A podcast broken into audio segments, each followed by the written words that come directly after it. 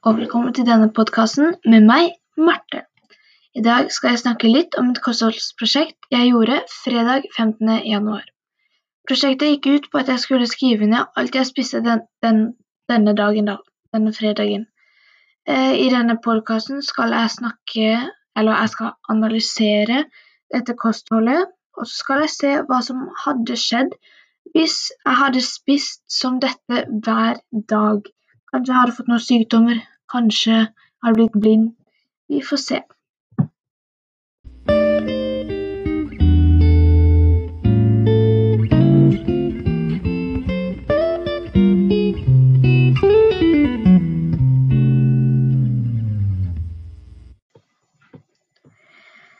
Jeg tror jeg egentlig ligger ganske godt an.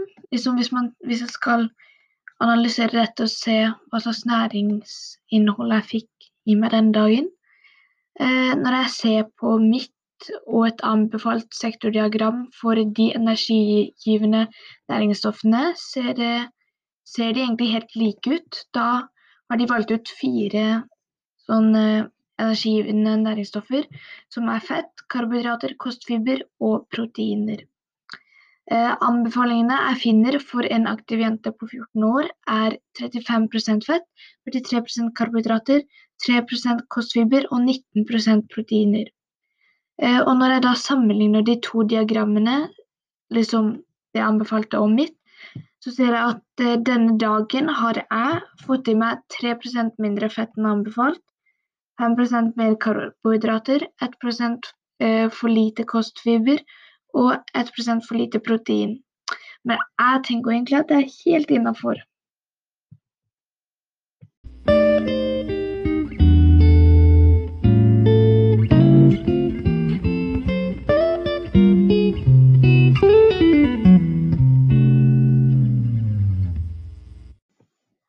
Nå skal jeg snakke om hva som hadde skjedd om jeg hadde hatt dette kostholdet hver dag over lengre tid.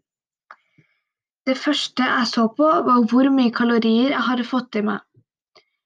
På anbefalingen står det at, anbefalt, at det anbefalte er 2200 til 2500 cirka da, kalorier hver dag. Eh, og denne fredagen fikk jeg i meg 1292 kalorier. Eh, egentlig så er jeg litt usikker på eh, om dette er riktig, da. Siden det er så stort gap mellom det anbefalte og mitt, da. Eh, men jeg følger det siden det var det det sto eh, på det diag diagrammet eller tabellen jeg hadde lagt alt jeg hadde spist inn i. Eh, jeg har funnet ut at ved for lite kaloriinntak kan forbrenningen gå saktere. Eh, det som også skjer, er at jeg eh, får Siden forbrenningen går saktere, så også, kan jeg også få mindre energi. Noe annet jeg ser på, er at jeg har fått i meg 4,4 milligram jern. Nei, sorry. Mikrogram jern. Nei, det er milligram. Jo, det er milligram. Eh, noe som jeg ser er for lite, Det anbefalingene er 15 eh, milligram daglig. Eh, og det jeg da fant på nettet, eller det jeg leste på nettet, er Da fikk jeg litt informasjon på apoteket.no. Hvis stillestanden ikke behandles, kan den utvikle seg videre slik at produksjonen av røde blodceller blir lavere, og til slutt kan hemoglobinverdien, altså blodprosenten som det står her, synke. Når hemoglobinverdien er lav pga. tomme jernlagre, kalles det jernmangelanemi. Symptomer på jernmangel er bl.a. slapphet, svimmelhet, nedsatt fysisk yteevne og blek hud. Så, så jeg har bare fått i meg en del for lite jern, men eh, det er sikkert bedre andre dager. Men det hadde skjedd da hvis jeg hadde hatt dette kostholdet over lengre tid. Så jeg leste jeg også på tabellen at eh, jeg kanskje spiser litt for lite jod denne dag, fredagen. Eh, også jod får man i fisk, men også mest da i meieriprodukter og an andre ting, da, men mest meieriprodukter.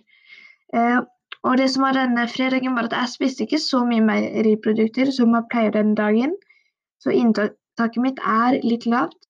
Eh, men nå skal vi bare følge det jeg spiste denne fredagen. Og anbefalt dose for barn og voksne eh, ti år og opp er 150 mikrogram. Eh, og denne fredagen har jeg bare fått i meg 71,6 mikrogram.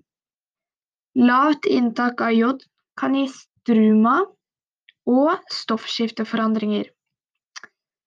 Eh, det var det, de tre tingene jeg hadde lyst til å ta opp, fordi det var de jeg så jeg hadde liksom minst av i forhold til anbefalingene.